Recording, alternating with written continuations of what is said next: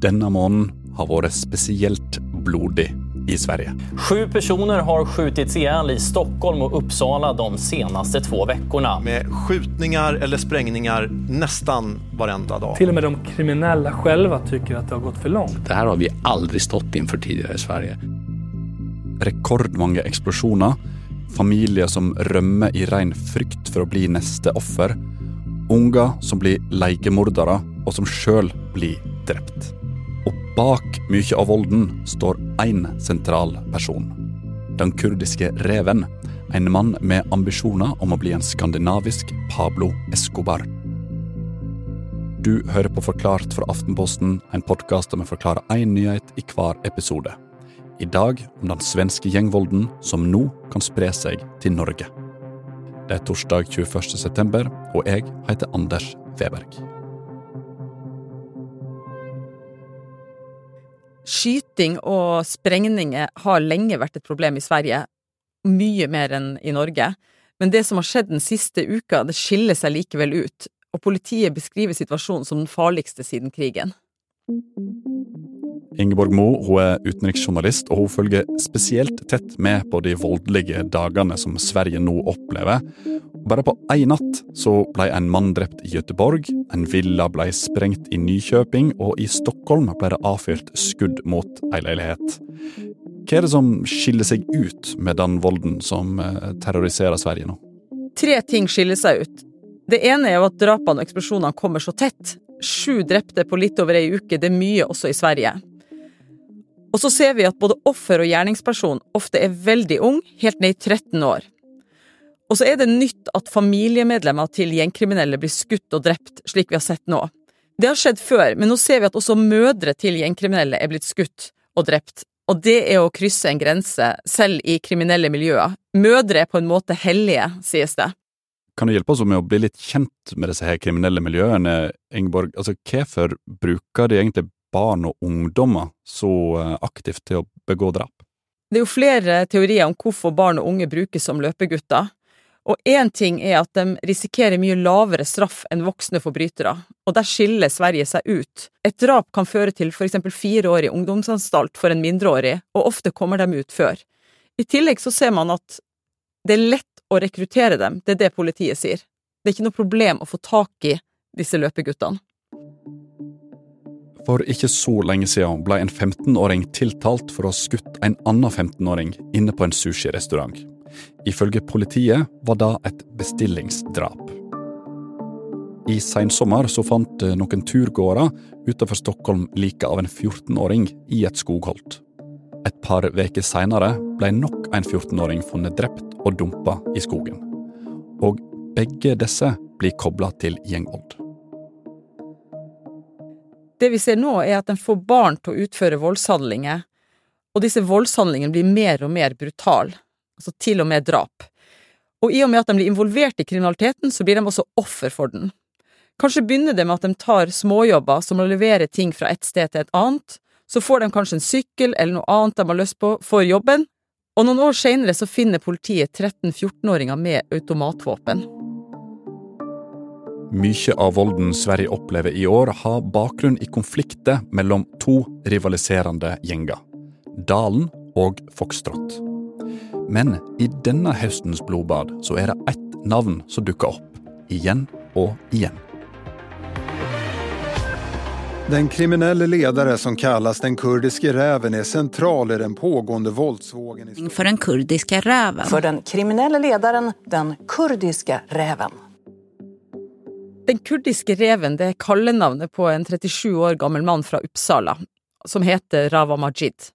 Han er etterlyst internasjonalt og mistenkt for både drapsplanlegging og for stor narkohandel. I ungdommen så drev han en iskiosk i Uppsala sammen med mora, men alt som 19-åring så fikk han sin første dom. Og senere så er han blitt dømt flere ganger for blant annet narkotikahandel, og han har jo sittet i fengsel. Han skal ha fått fiender etter noe som skjedde i eh, gjengmiljøet, og følt seg trua på et tidspunkt, så han flytta til Nord-Irak. Og på omtrent samme tid så skjer det et gjennombrudd i Frankrike. Politiet der klarte å bryte seg inn på appene som kriminelle brukte til å planlegge kriminalitet. Og det de fant, var lange chatter mellom kriminelle. Også mange svenske. Og når svensk politi får tilgang til dette store materialet, så dukker et kallenavn, Fox Kurdish, opp. Og dette virker som det er en person som sitter på toppen av et nettverk, som vi nå vet heter Foxtrot, og som smugla veldig mye narkotika inn til Sverige, mye mer enn man var klar over tidligere. Men innen politiet forsto det, så var jo den kurdiske reven allerede i utlandet. For den kurdiske reven han slapp unna og kom seg til Tyrkia. Der er han fortsatt, men det betyr ikke at han ikke trekker i trådene hjemme i Sverige, og beordrer unge tenåringer til å utføre drap.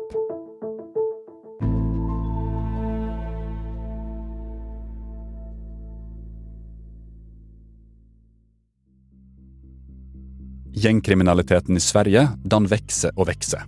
Et anslag fra politiet er at tre nye medlem blir rekruttert hver eneste dag. Og det er mange ulike gjenger.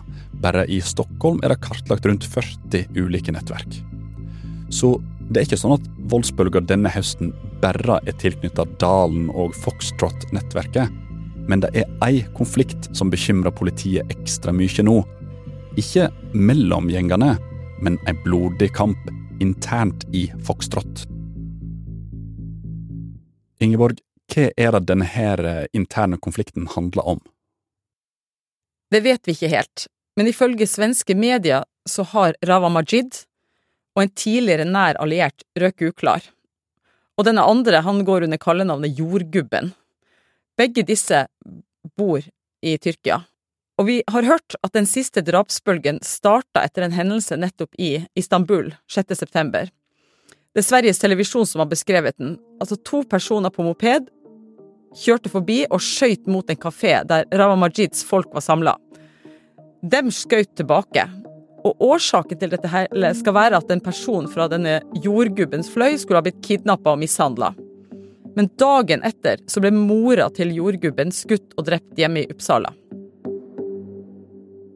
Og, og det er her ei slags eh, hellig grense blir kryssa, da? Ja, for uh, da politiet forsto hvem dette var snakk om, så ble de veldig redd for at uh, volden skulle eskalere, og det gjorde den jo. Men er det bare denne hendelsen som har fått uh, konflikten internt i Foxtrot til å eskalere?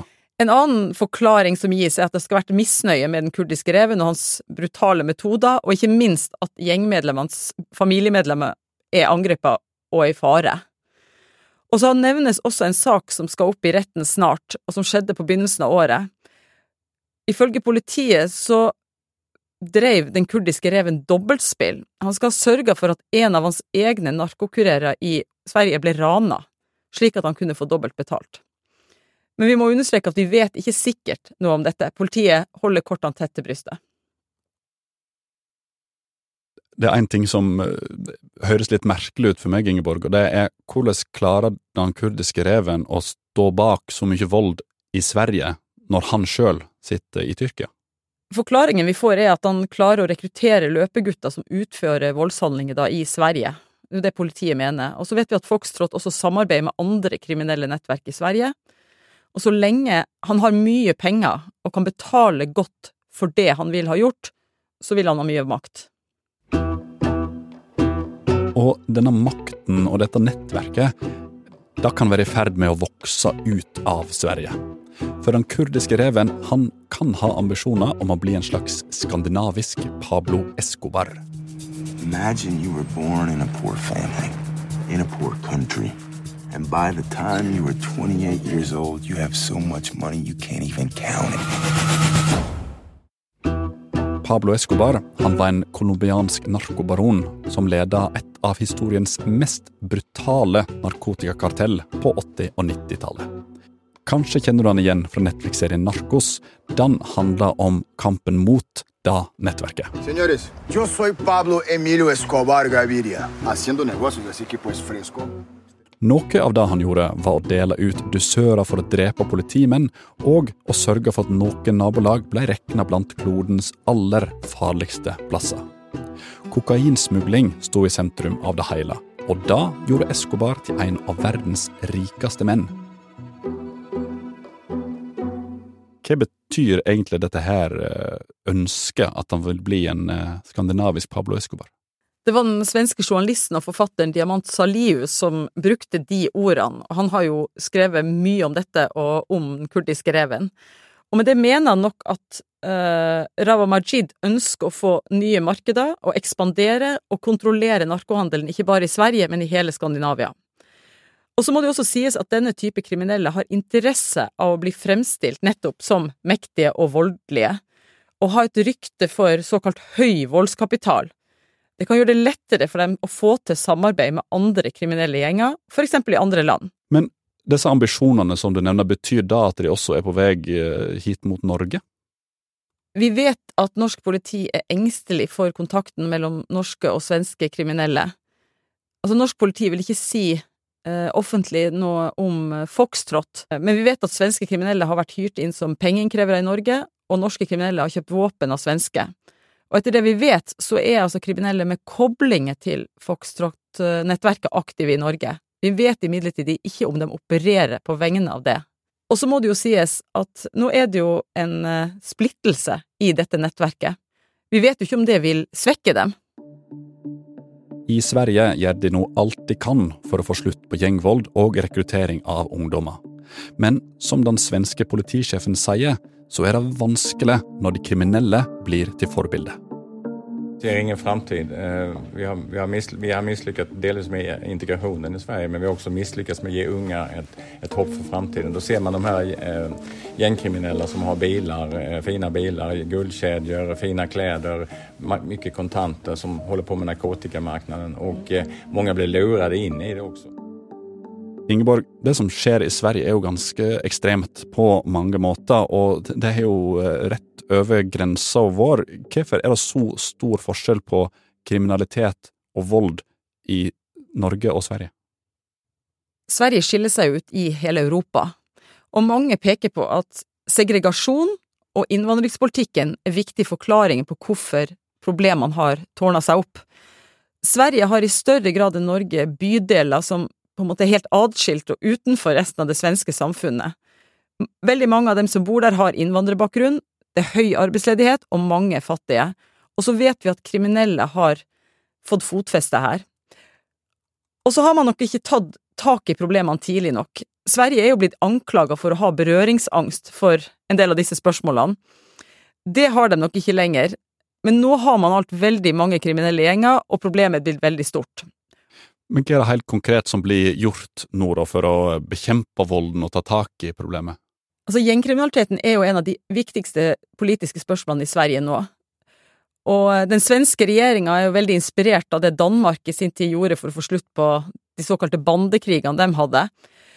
Og da ønsker de blant annet å gjøre at det er mulig å ha anonyme vitner i rettssaker, fordi det er veldig vanskelig for folk til å vitne.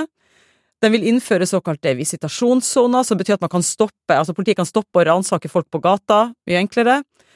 De vil innføre et system som gjør at man får mer strafferabatt hvis man vitner mot tidligere venner, og den vil ha mer hemmelig avlytting. Men både den nåværende svenske regjeringa og den forrige mener jo at uh, det holder ikke med strengere straffer og hardere politimetoder, selv om det er det de snakker mest om. Hvis man skal få slutt på rekrutteringa av barn til kriminalitet, så starter arbeidet et annet sted. Det er i skolen, i familiene og på arbeidsmarkedet.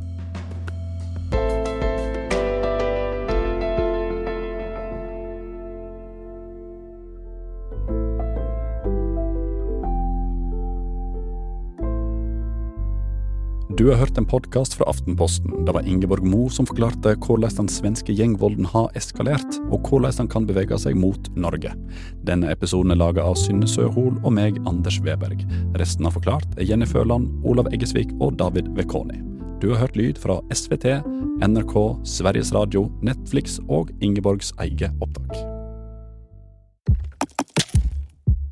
Å spise, drikke, bil, dra på ferie, bare gå ut døra har blitt mye dyrere. Og medisinen som skal fikse problemet Heve styringsrenten med 0,25 prosentenheter til 4% er renta. Men når renta stiger, så blir jo boliglånet sykt dyrt òg. Må det være sånn? I podkasten Dypdykk undersøker vi de store spørsmålene om tida vi lever i, og prøver å gi deg svarene du ikke bare kan google deg fram til. Du finner den hos Aftenposten eller Podmy.